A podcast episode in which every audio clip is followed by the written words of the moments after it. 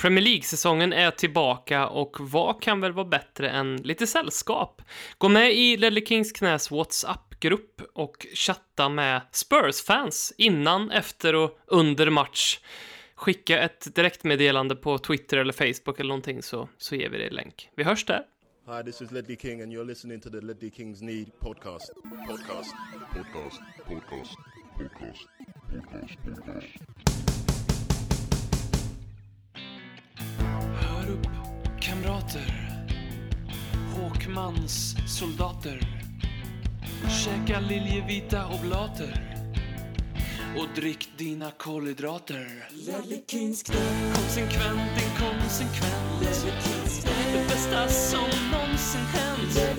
Du kommer aldrig bli dig själv igen, min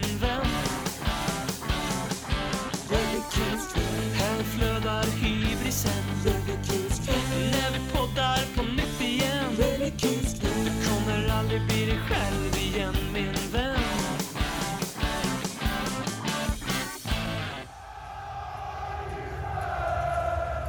Previously on the Tottenham 2019-2020 campaign. Välkomna till ett nytt avsnitt av Ledder Kings knä. Robin heter jag och idag har jag inte med mig någon för att så är det med vardagslivet ibland att det funkar helt enkelt inte. Vi ska i alla fall titta tillbaka på säsongen 1920. Efter den här podden så kommer du sömlöst att eh, glida in i återuppståndelsen av Premier League här med all fakta och alla minnen precis som om corona aldrig hade hänt. Vi börjar säsongen 2019-2020 med en 3 hemma mot Aston Villa. Inte helt övertygande dock. Tom Heaton i Villamålet höll ställningarna ganska länge. Villa tog också ledningen och det dröjer tills det är typ 17 minuter kvar innan Tanguy Ndombele debutmålar och sen så kröner Kane matchen med två baljor. Jag var på plats faktiskt och ehm, det var första gången jag var på Tottenham Hotspur Stadium. Tack Fanny för en eh, otroligt rolig match och för att eh, ja, du visat mig hur man inte ska trycka i botten på ett ölglas eh, som hälls underifrån. Men hur som helst, efter den här Aston Villa-matchen så beger sig Tottenham till City. Eh, en match där som slutar 2-2. Vi är ordentligt tillbakapressade hela matchen, men, men vi lyckas stjäla en poäng tack vare Lucas Moras första touch efter att han blivit inbytt och sen också den här strumprullaren från ganska långt utanför straffområdet som eh, Erik Lamela stod för. Vaket såg att Ederson var ute och cykla.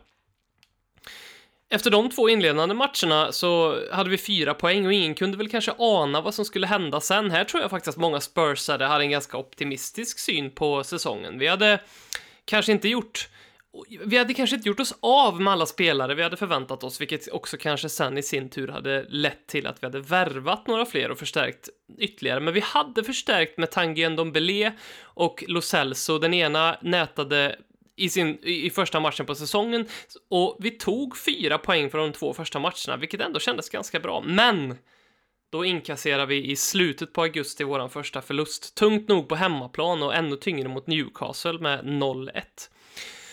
Och om man såg tendenser i de två första matcherna på att motorn var rostig och slutkörd så kanske vi fick det konkret bekräftat i den här Newcastle-matchen. Vi lyckades inte skapa någonting framåt. Vårt försvar stod och sov när eh, Newcastles eh, rekordbrasse Joel Linton sliceade in matchens enda mål.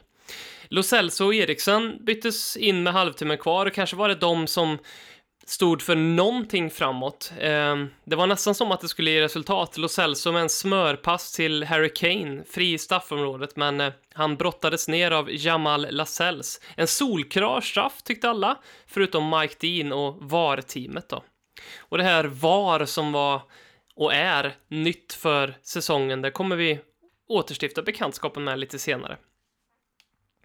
Nästa motståndare för oss var ju Arsenal på Emirates och här började det faktiskt riktigt bra. Eriksen, kontroversiell när det begav sig här. Eh, man trodde ju kanske att han skulle ha lämnat när augusti och eh, stängde och transferfönstret stängde. Ehm, han fick starta matchen, lite kontroversiellt tyckte vissa för att det var så tydligt att han inte ville spela längre för oss och då skulle han inte vara nära startelvan. Han gjorde en tap-in efter 10 minuter och här verkade liksom allt glömt. Och sen så gjorde Harry Kane sitt tionde North London Derby-mål på straff och det är faktiskt rekord eh, av en enskild spelare i North London Derby som nu Kane har tack vare detta. På straff igen, han gör ju bara mål på straff och tap-in som ni vet. Och här såg det ut som att vi skulle gå in i halvtid i alla fall med en 2-0-ledning. Men eh, precis innan halvtid stänker Lacazette in en kvartering och ni minns väl Eh, det målet, hur han firar. Otroligt häftigt. Han är ju så otroligt cool, Lacazette. Ställer sig med armarna i kors framför Tottenham-klacken. Det kan jämföras med den lite töntiga målgesten som Tanguy Ndombele gjorde när han stängde in 1-1 mot Aston Villa, där eh, Tanguy bara manade på laget att samla sig för avspark för att forcera in mer mål. Så ja, när det kommer till målgester så är verkligen Arsenal i en helt egen liga för sig själv.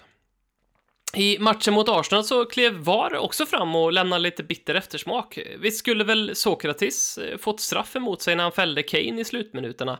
Och eh, Dani Ceballos, den eh, näst största floppen i modern tid efter Nicolas Pepe, brottade ju ner Dele Alli eh, helt ostraffat. Eh, i, i, i, så, och, och det borde definitivt blivit straff för Tottenham där. Här i början av september, när transferfönstret stängde, så blev det ju också klart att vi tog farväl av ett par eh, lirare. Eh, en av de som gjorde särskilt ont, det var ju Fernando Llorente. Hans eh, sentimentala Instagram-inlägg om att han eh, i Tottenham gjort det absolut viktigaste målet i sin karriär. Det kändes ju. Han kändes ju liksom som en pappa när han gled runt i laget lite grann, liksom en möbel som bara ska vara där, annars så känns det tomt. En annan omstridd spelare eh, som också lämnade här var ju Marcus Edwards. Eh, han försvann ju till Portugal för eh, Vitoria.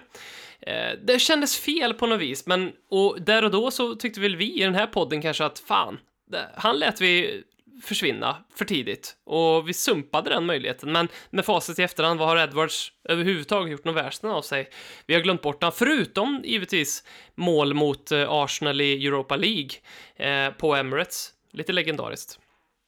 Här så kom ju Bruno Fernandes också ut, eh, som vi ryktades eh, med att vara intresserad av och har velat köpa. Han berättade också att han var på väg till Tottenham, men att Sporting Lissabon hade blockerat affären. Ehm, och här finns det väl lite meningar som går isär. Var det Tottenham som var för aggressiva eller var det Lissabon som ville ha kvar honom? Ehm, men lite vibbar fick man ändå av den här Moutinho-såpan som bara var, som fortfarande är lite ett sår eh, för oss Tottenham-fans, så här bara ett par år senare. Och trots att vi då kanske lyckats hyfsat bra, värvat Lo Celso, en Dombele, Sessignon och en finnig oklar ytter som förvisso kan dribbla i Jack Clark, så kändes det väl kanske när transferfönstret stängde här att vi, vi hade kanske kunnat göra ett bättre fönster. Och, alltså, minst sagt gjort oss av med en eller annan lirare. Första matchen efter uppehållet här i september var hemma mot eh, Crystal Palace med David Beckham i publiken, eh, samtidigt som United spelare. Eh, klart att han väljer Tottenham. Alla vet ju att David Beckham håller på Tottenham innerst inne. Han kan bara inte komma ut med det nu eftersom att han är liksom en Manchester United-legend på något vis, men han älskar ju Tottenham. Eh, här var vi några som trodde att eh, gamla Tottenham var tillbaka. Vi vinner med 4-0 mot Crystal Palace på ett väldigt övertygande vis. Så vi spelar sån där champagnefotboll, ett självspelande piano. Det är bara trevligt, det är jävligt trevligt att titta på Tottenham. Vi är bra hemma. Men eh, saker och ting skulle snabbt ändras, för det är här någonstans som, som jag vill mena att Tottenhams Supong verkligen börjar gå åt pipan. Och kanske hade den stått och vacklat på den här pipan innan, men det var här den började balla ur för att liksom inte balla in igen. Vi står, det, börjar med att vi står för en ganska dålig insats nere i Grekland mot Olympiakos. Eh, trots det så lyckades vi skrapa ihop en 2-2. Vi, jag tror det är Kane och Lucas Mora som eh, gör våra mål och sen så verkar det som att Olympiakos nästan gör mål på precis varenda chans de får. Vårat mittfält framförallt och vårt försvar lämnar jättemycket att önska. Och sen åker vi till Leicester och spelar faktiskt ganska övertygande fotboll. Kane gör ett fantastiskt mål. Det här får man inte glömma bort. Han lyckas sparka en boll när han ligger ner på marken i samma rörelse som han faller och vi tar ledningen med 1-0. Och då börjar vi kontrollera och vi cruisar faktiskt här och när Serge Aurier gör 2-0 så tror jag de flesta tror att den här säsongen har, den har skakat upp sig. Men det blir snabbt en VAR-fråga eh, som otroligt korrekt och rättvist dömer att Heng Son var offside i uppbyggnaden till målet med ungefär en tandpetares bredd i, i marginal. Eh, och här går luften ur Tottenham. Som det ofta blir i Premier League så är det bortdömda målet något som lyfter hemmapubliken och, och Leicester reser sig mot ett Tottenham som tagit på sig rollen som undergiven i den sista delen av den här sexakten där Leicester piskar på med allt sitt läder. Vi förlorar med 2-1 eh, och man kan liksom se hur när VAR-beslutet kommer och vi trots allt ändå leder matchen med 1-0 och spelar bra och det här momentumet kommer på bortaplan för oss, då orkar vi inte stå emot längre. Och det ser man en, för mig, den absolut första tendensen, även om vi hade spelat dåligt tidigare, den absolut första tendensen på att här stämmer saker och ting inte riktigt. Här är liksom fighting och vinnarinstinkten och tävlingsinstinkten borta. Eh, och det blir väl ännu mer tydligt. Eh, den här matchen förlorar vi 2-1 och bara några dagar efter det så åker vi ur ligacupen i första omgången mot eh, Colchester. Eh, trots att självaste Troy Parrott får eh, lufta sig lite grann. Och här tycker jag att vi ska notera att poddens Jimmy Jonevret köpte sig ett Eurosport-abonnemang för att kunna följa Tottenhams ligacuprace. Så vitt vi vet så har han inte heller kommit sig för att säga upp det här abonnemanget, vilket måste vara den absolut värsta affären Jimmy gjort i hela sitt liv. När vi sen då ska försöka studsa tillbaka efter de här två otroligt tunga förlusterna så lyckas vi få lite andrum. Det är inte övertygande. Vi vinner mot Southampton med 2-1 trots att Serge Aurier lyckas dra på sig två idiotiska gula kort i matchens första 30 minuter. Här är Ndombele med i målprotokollet igen och, och Kane. Men eh, efter den här matchen så, så tar vi emot Bayern München på hemmaplan och det som händer i den matchen det är en uppvisning i män mot pojkar och det är här vi får det, första, det, det andra supertydliga beviset efter då Leicester-matchen när vi bara viker oss mot momentumet. Här kommer det andra beviset på att vi orkar inte stå emot. Det saknas någonting. Det här resultatet skrivs till 7-2 eh, till Bayern München och här bör man ana eh, liksom att någonting inte står rätt till. Och det jobbiga med den här matchen, det är ju att den där jävla Serge Gnabry såklart ska göra en jävla massa mål och göra en jävla match så att alla Arsenal-fans som inte kan njuta av att se sitt lag i Champions League får någonting att, att njuta av. Men här är det väldigt tydligt att spelarna inte har det i sig att sätta emot och kämpa. Eh, någonting som jag tycker har varit signifikativt för Tottenham under Pochettino tidigare, att man har alltid man, man, vi, Pochettino har byggt upp den där känslan om att vi, vi kämpar i alla fall alltid och det finns alltid emot slutet av matcher en känsla av att ja, men det här kan vi ändå rätta till. Men det var helt bortblåst då. Måste vi kanske sälja av hela truppen, frågar vi oss här. Winks, Kane och Lamela kan få stanna, eller är det Pochettino som är slut? Och svaret på den frågan får vi väl kanske i nästa match, för både truppen och Pochettino har gett upp. Vi åker söderut till eh, Fiskmåsarna i Brighton och vi får däng med 3-0. Eh, I samma match ramlar Hugo och slår axeln ur led och den enda upprättelse vi får i säsongen är väl på den estetiska sidan där när Gazzaniga tar över. Och här är det som det blir smärtsamt för tredje gången. Så många gånger under årens lopp som Pochettino gång efter annan backat spelarna efter usla insatser eller stormigheter utanför eller på planen. Och självklart, han gör det igen efter presskonferensen både mot Brighton och, och även mot Bayern dessförinnan. Han hänger inte ut någon trots att alla kan se att det här är ett lag som inte vill kämpa och inte vill spela. Han kastar ändå inte skit på någon utan han backar laget. Men dissonansen från vad man ser på plan och också vad man ser hur uppgiven Pochettino verkar är supertydlig. Laget backar inte Pochettino och frågan är om inte Pochettino själv har, har tappat på det. Och under de återstående matcherna av Pochettinos sejour här så lyckas vi göra nio mål och släppa in noll i Champions League-gruppspelet. Um, och här skulle jag vilja göra en liten parentes, för att jag vill att ni ska minnas Giovanni Lo Celsos mål borta mot Röda Stjärnan. Han eh, vinner bollen i mitten av plan och så driver han upp den ända till straffområdet där han passar till Harry Kane som kommer fri mot den utrusande Röda Stjärnan-målvakten. Med en tåpaj så lyckas Kane få in bollen under målvakten, men den tar i stolpen. Men där är ju Heng Son först på returen. Han attackerar den snabbt på första tillslaget, typ två meter från mållinjen. Men en snabb reflexräddning från en mittback i Röda Stjärnan hindrar den här bollen från att gå in. Och den returen i sin tur håller på att gå utanför straffområdet, men det hindras där på gränsen av straffområdet av Ndombele som slår ett inlägg Kane är först på det inlägget. Han är ensam med målvakten, men får en felträff så bollen går tvärs över målet. Och där finns en kamikaze-rusande Heung-Min Son. Helt öppet mål, men han knäar bollen rakt i ribban. Som då sen hittar Lo Celso som trixar lite med bollen innan han dänger in den. Pochettinos två sista Premier League-matcher som eh, tränare för Tottenham slutar båda 1-1 mot eh, Everton och mot eh, Sheffield. Eh, I matchen mot Sheffield gör eh, VAR parodi på sig själv eh, när det dömer ut ett mål för Sheffield på grund av en tandpetares bredd i offside i uppbyggnadsfasen. Inte helt olikt det vi drabbades av mot Leicester, bara det att den här offsiden sker riktigt lång tid innan det målet sen kommer. Det är nästan som man kan tro att någon i varummet faktiskt håller på Tottenham i det här läget. Vi går på landslagsuppehåll här. Ehm, vi gör det på tolfte plats i ligan. Många rykten gör gällande att Pochettino ska sparkas, men vi hör inget och kanske är det många av oss som tänker att okej, men det är ett tydligt bevis att sparkas han inte i början på det här landslagsuppehållet så fort, har han fortfarande tid att återuppväcka laget fortfarande förtroende hos Daniel Levy att göra så. Men då kommer då dagen den 19 november som jag tror alla Tottenham-fans minns. Det ska inte glömmas att här fanns sedan en bra tid tillbaka en ganska stor skara pock-outare på sociala medier som tyckte att den här dagen var kommen sedan länge. Men jag tror de flesta minns exakt vad de gjorde kvällen den 19 november på världstoalettdagen. Brasiliens jävla nationaldag. En sketen jävla tisdag när nyheten briserar att Tottenham har gått skilda vägar med Mauricio Pochettino.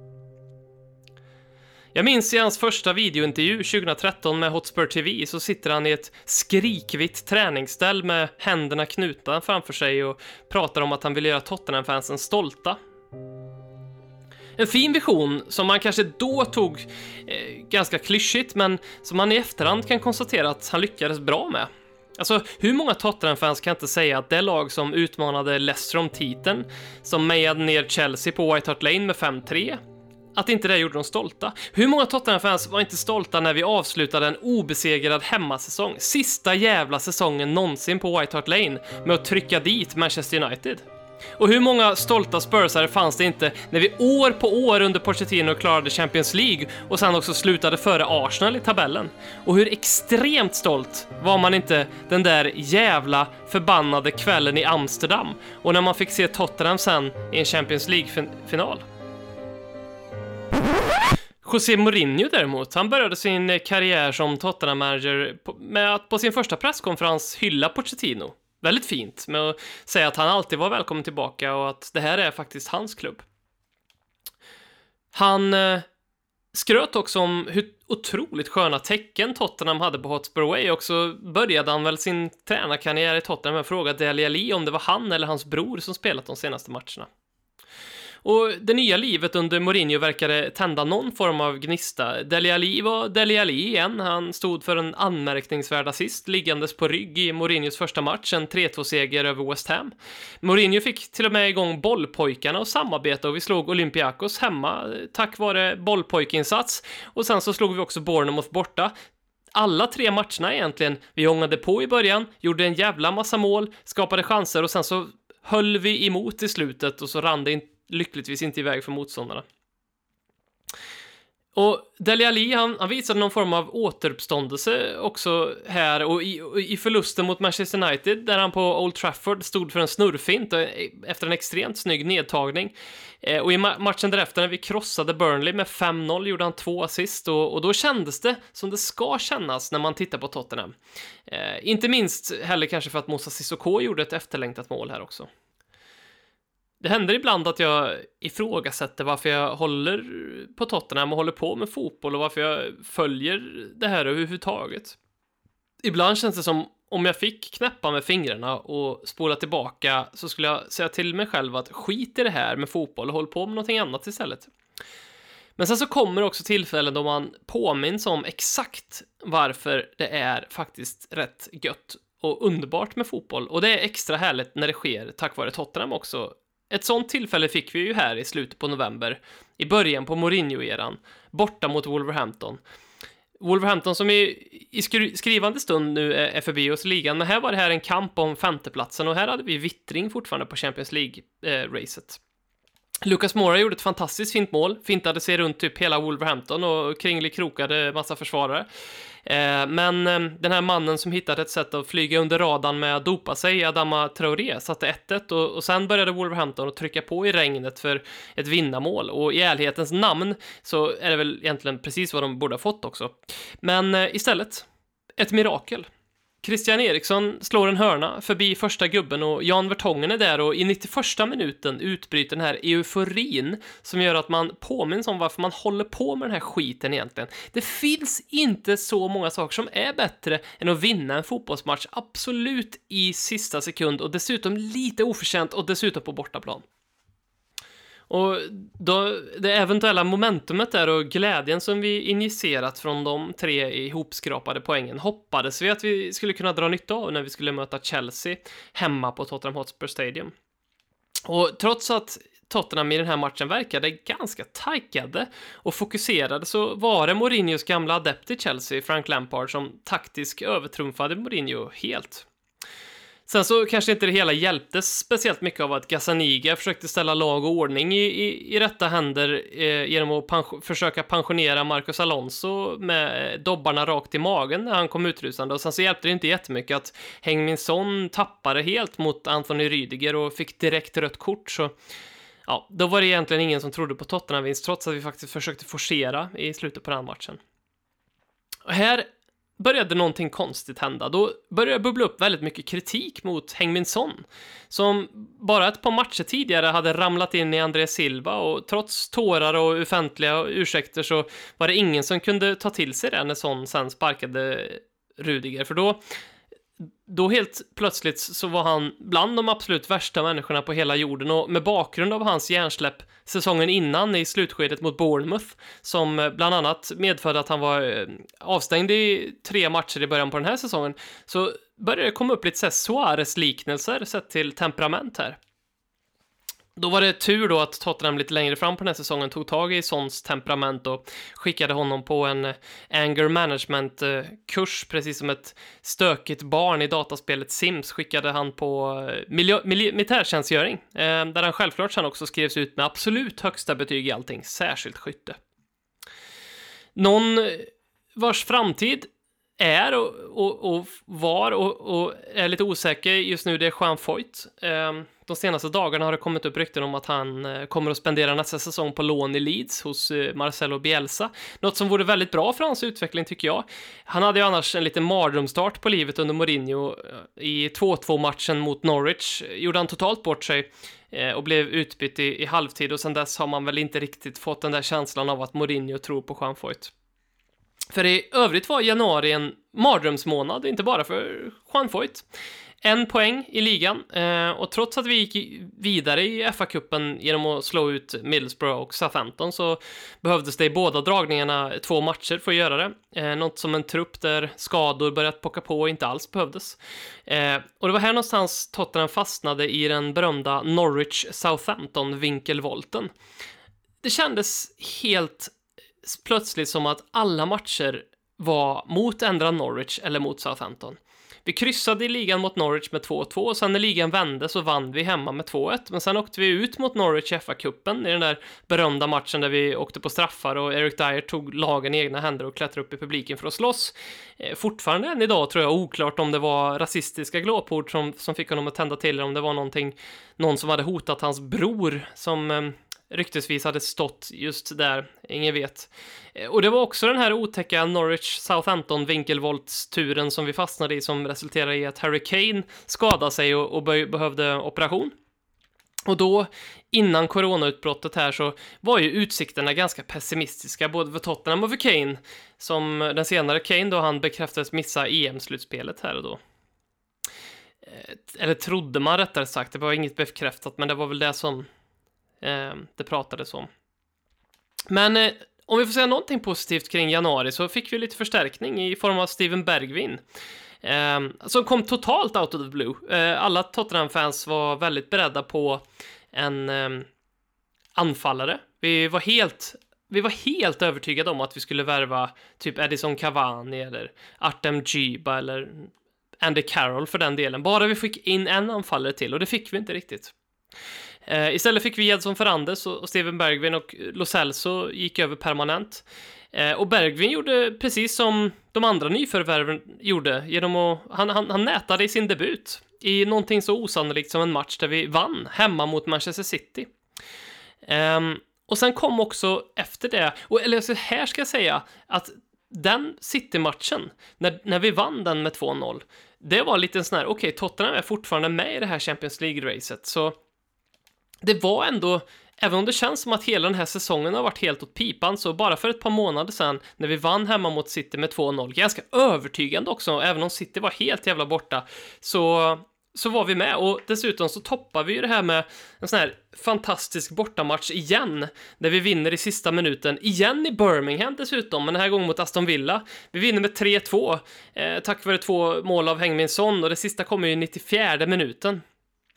Eh, den matchen då Harry Winks också sen stoppar in fingrarna i Jedson Fernandes mun.